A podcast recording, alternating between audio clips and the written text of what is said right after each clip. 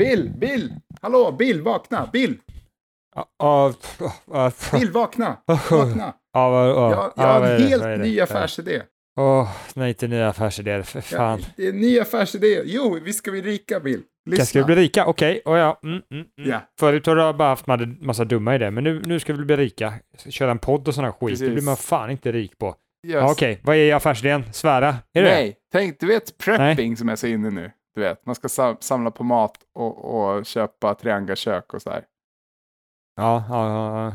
Mm. Ja, Dö döda zombies, öva på döda zombies. ja precis, precis. Man, ska, man, man har sett någon, någon film och nu ska man hålla på med prepping. Men jag tänker så här, prepping, det är ju, man tänker att det ska vara det tuffaste. Du vet, man, man Mm. bara "Åh, samla grejer, ha på sig kamouflage och så här.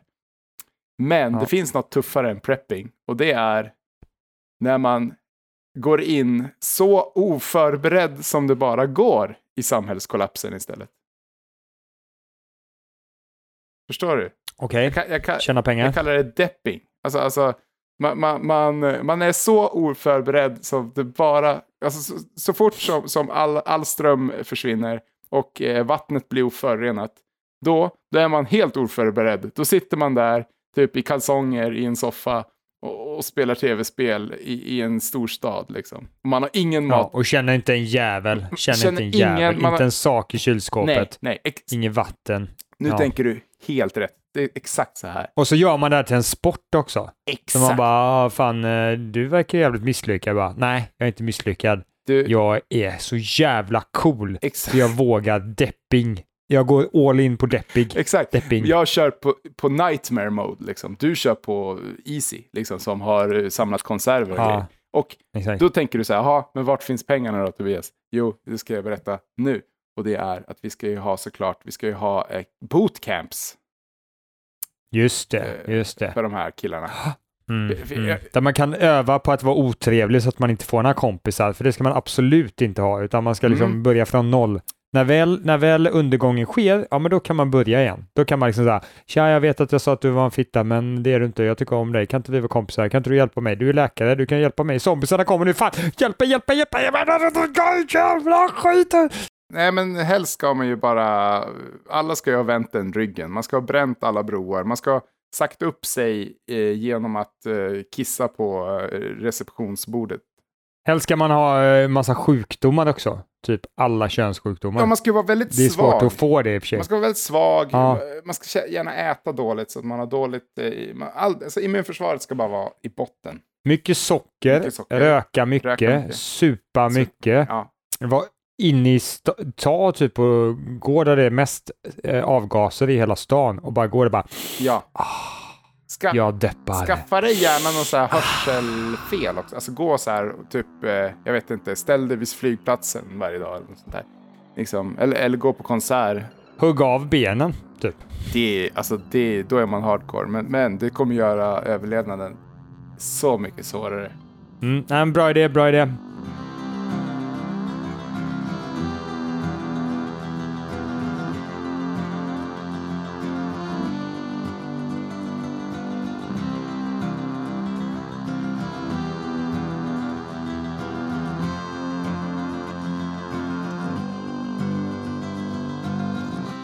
Och ni lyssnar på Problempodden och det är, gör ni faktiskt. Hur ni har hamnat här och lyssnat på den här skiten, det vet jag inte. Ni kanske har blivit hotade eller så har ni tagit någon konstig drog som fått er att agera på ett annorlunda sätt. Men just nu gör ni det. Ja, jag är Och då ska ledsen. ni fan med veta vilka det är ni, ni lyssnar på. Och det är här, nu ska jag för en gång skulle göra en liten annorlunda grej. Jag ska presentera mig först innan Tobias berättar att han är en sån här häftig magnet eh, change manager som eh, eh, jobbar på eh, fyrverkerifabriken i Skövde. Just det. Nej, det gör han inte, utan det är faktiskt jag som gör det. Jag heter Bill och jag jobbar som eh, eh, magnet manager på Skövdes fyrverkerifabrik som ska läggas ner imorgon och därför gör jag podd och vill att eh, ni ska skänka pengar till mig så att inte jag blir fattig. För då kan jag inte köpa tv-spel. Jag har fan ingen aning om vad en Change Magnet Manager gör för någonting, så det är inte så undra på att jag har gjort ett dåligt jobb. De- kan inte du berätta vad en sån gör? De gör change. De ändrar på saker. Sparka lite men- här, eh, ändra loggan lite där. Med magn- magnet, vad är det med saken? Man drar till sig eh, olika typer av eh, begrepp som sen används då för att göra förändring. Det är en branschgrej. Det är en fyrverkerigrej. Det är svårt att förklara. Eh, har vi... Vi har ju... Du har problem, men har någon annan problem idag? Det har vi faktiskt. Mhm. Eh, Vi har fått ett brev från eh, Kurt. Eh, och han Mm, eh, har ett jättefint brev som jag vill eh, läsa för er Mm. om jag får. Kör. Då ska jag göra det. Du, du, du, du. Du, du, du, du. Så. Hej! Jag och mina syskon tycker om vår farfar och vill ge honom något fint till hans födelsedag. Om vi alla köper något tillsammans kan han få något han verkligen behöver. En skottkärra. Och vi vet att han skulle bli superglad. Problemet är bara att om vi köper det kommer min bror Sture få all cred av farfar.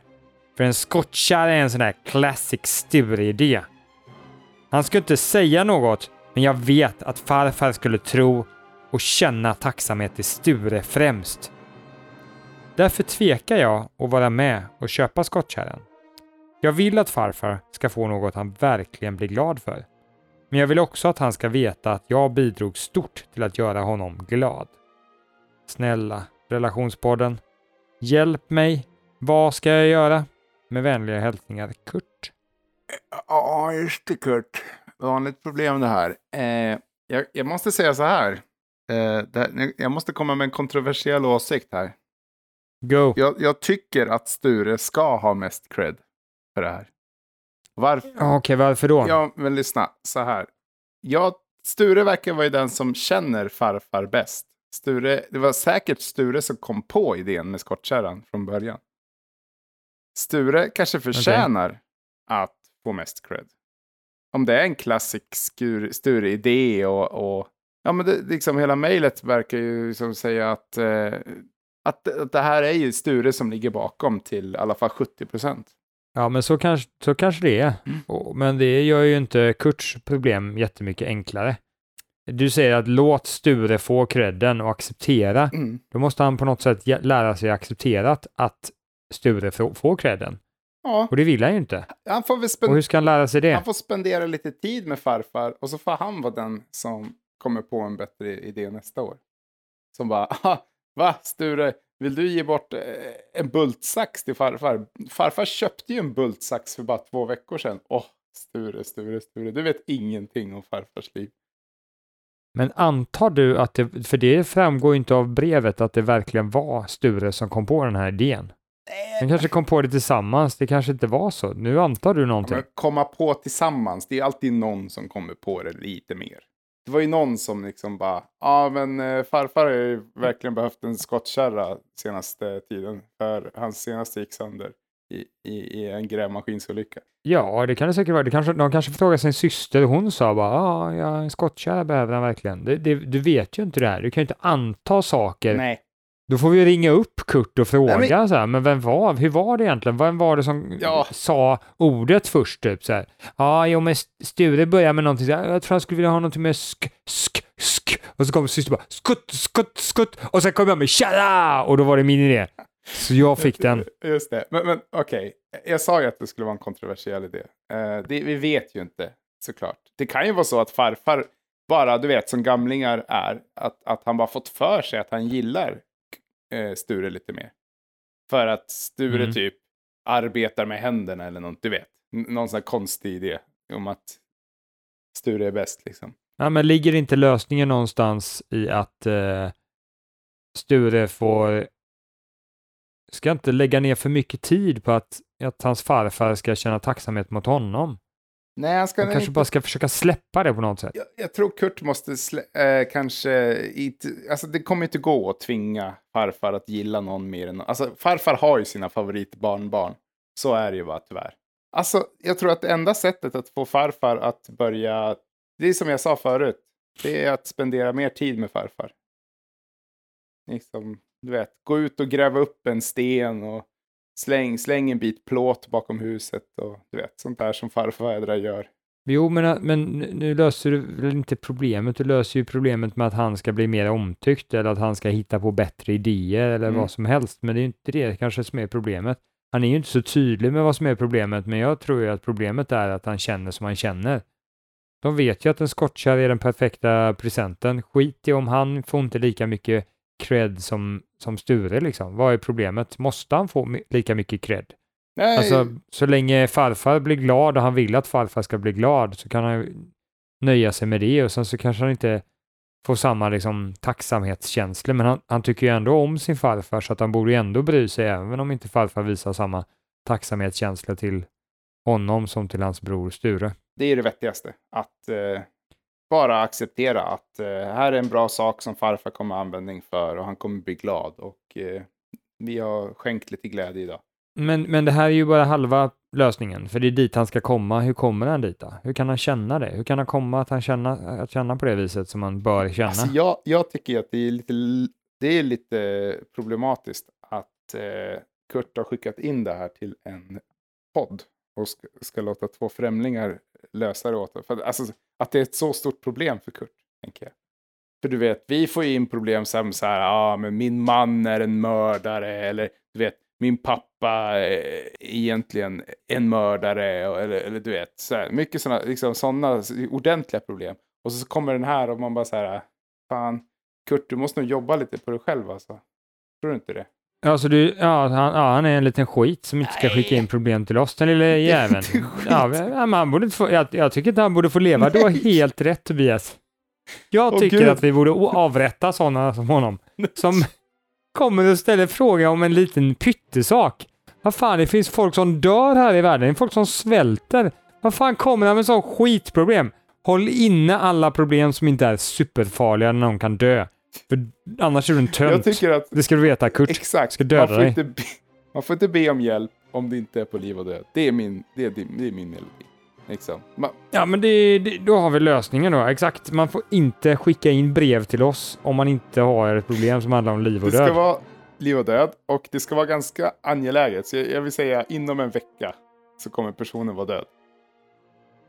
Men du, det, Tobias, jag- det är lite roligt här, men jag har faktiskt fått ett till brev från eh, Kurt där. Åh, vad bra! Och vet du vad det, vet du vad det står? Nej. vet du vad det står? Det står ungefär exakt samma som förut. Ja. Och sen står det så här. Om inte någon löser det här problemet tar jag livet av mig. Ja, okej. Relationspodden, hjälp mig. Så att, så att nu, nu, måste, nu måste vi hjälpa honom ändå. Alltså fan alltså, vi var på väg att slippa. Men nej, vi, han, vi lyckades inte. Du hade en bra utväg där, men nej. Fan, den jäveln ska skicka brev så här snabbt. E-mail alltså, det har förstört allt. Eh, okej, eh, då- jag tänkte precis Ja, säga... tacka vet jag, snigelpost, det var tidigare man kunde liksom så här hålla sig lite så här.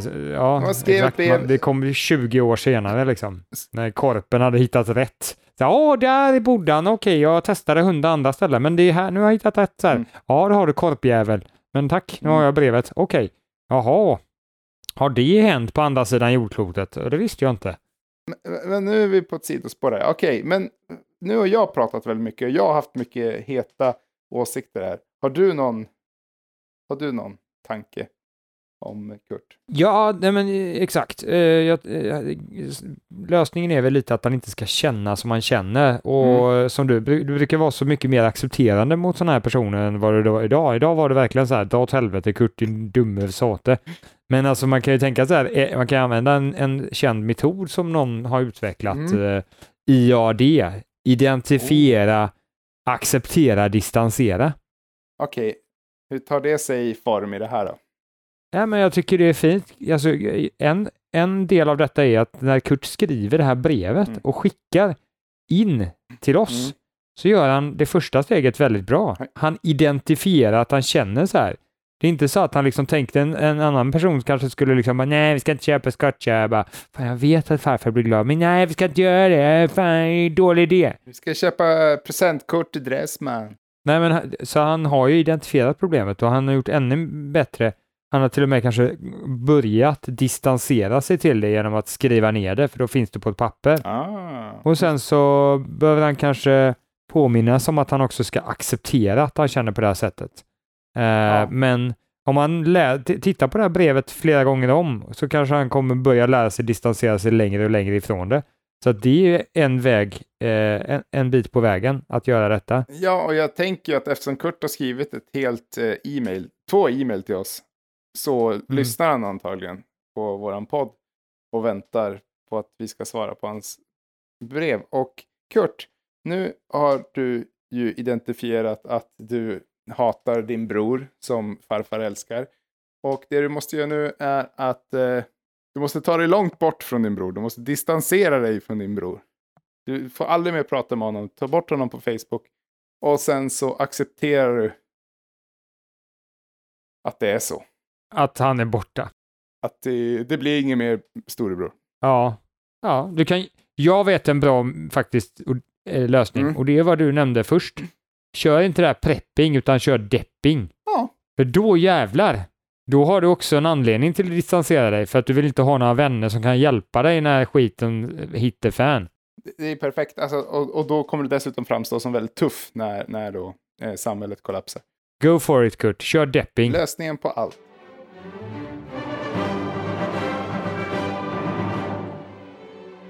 Har vi ett stort Mm. problem idag då? Jag tror det. Jag tror vi har ett väldigt Är det stort jag som problem. ska säga det stora problemet för fan? Ja, vi har ett stort problem. Ja. Eh, Mm. Åh, gud. Nu, blir, nu gick det åt helvete med podden här alltså. Oh. Oh, Okej, ja, nu ska vi se. Eh, dagens stora problem är framtida generationer. Och problemet med framtida generationer, Mm. Det är lite samma problem som du har med folk i Afrika som bor långt borta och svälter och sån här skit. Mm. Det är att, det är att eh, man ska bry sig om dem även fast man inte eh, kanske riktigt känner att man har med dem att göra så mycket. Ah. Det är liksom som ett, eh, ett barn man fått utan att man vill det ungefär. Varför ska jag bry mig om det här ungen? Så bara, jo men det är väl schysst alltså. Fan, alla, man väljer ju inte om man föds eller inte. Nej men jag har inte gjort någonting med de här jävla ungarna. Jag vill inte skänka barnbidrag till dem då liksom. Just det. Mm. Och det är, det är ansvarstänket som är fel där, utan Mm. det är det att ja, men framtida generationer, om jag säger det kort och snabbt så är det att framtida generationer kan lida och vara glada. Det är lite problemet, för det är därför du måste bry dig. Just det, det är lite som så här, istället för att säga ja men vi måste ju ta hand om dem här hos oss först. Säger man, ja men Mm. vi måste ju ta hand om dem här hos oss först. Alltså fast i tid. Så egentligen så, så handlar är det ju lika viktigt att vi gör framtida generationer glada Ja, som det är att vi gör oss själva glada.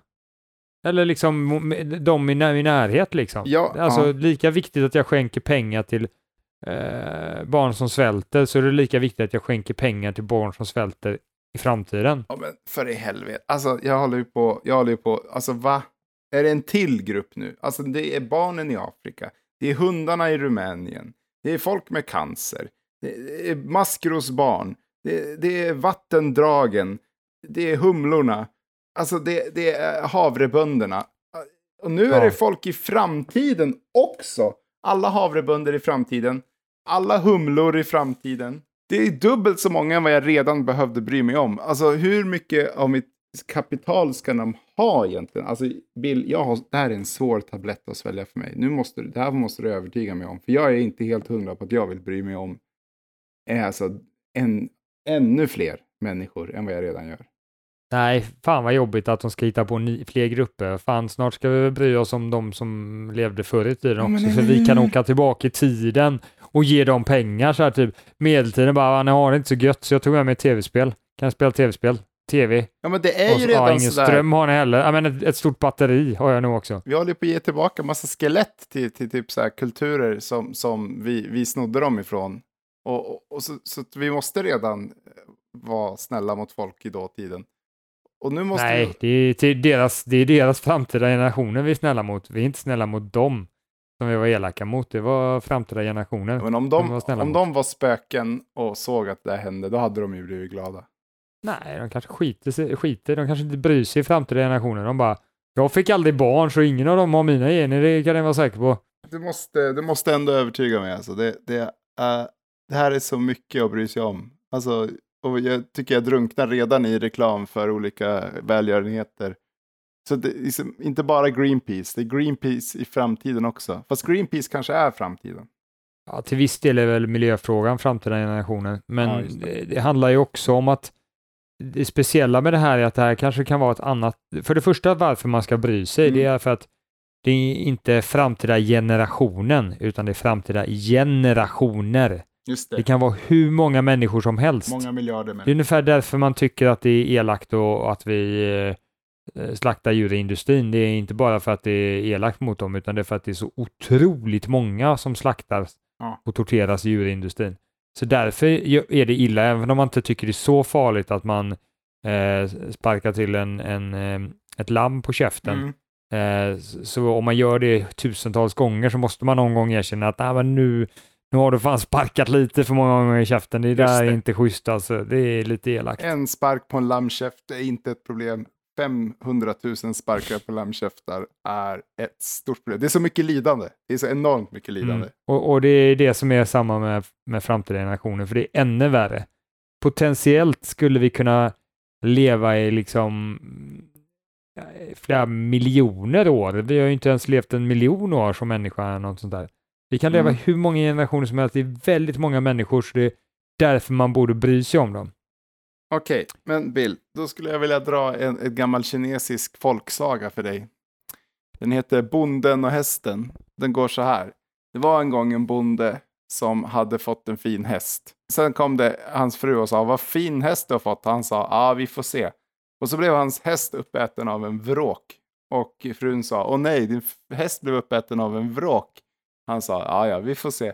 Och sen, den här vråken, den blev så mätt att den exploderade och det fanns kött i hela byn. Och frugan sa, ja nu finns det kött i hela byn. Och bonden sa, ja ja, vi får se. Ja, det här köttet, det visade sig vara vråkkött. Så det var jättegiftigt. Så alla i byn dog. Och frugan sa, åh nej, alla i byn dog. Ja, du förstår vad jag menar med den här. Alltså, den fortsätter så här i all evighet.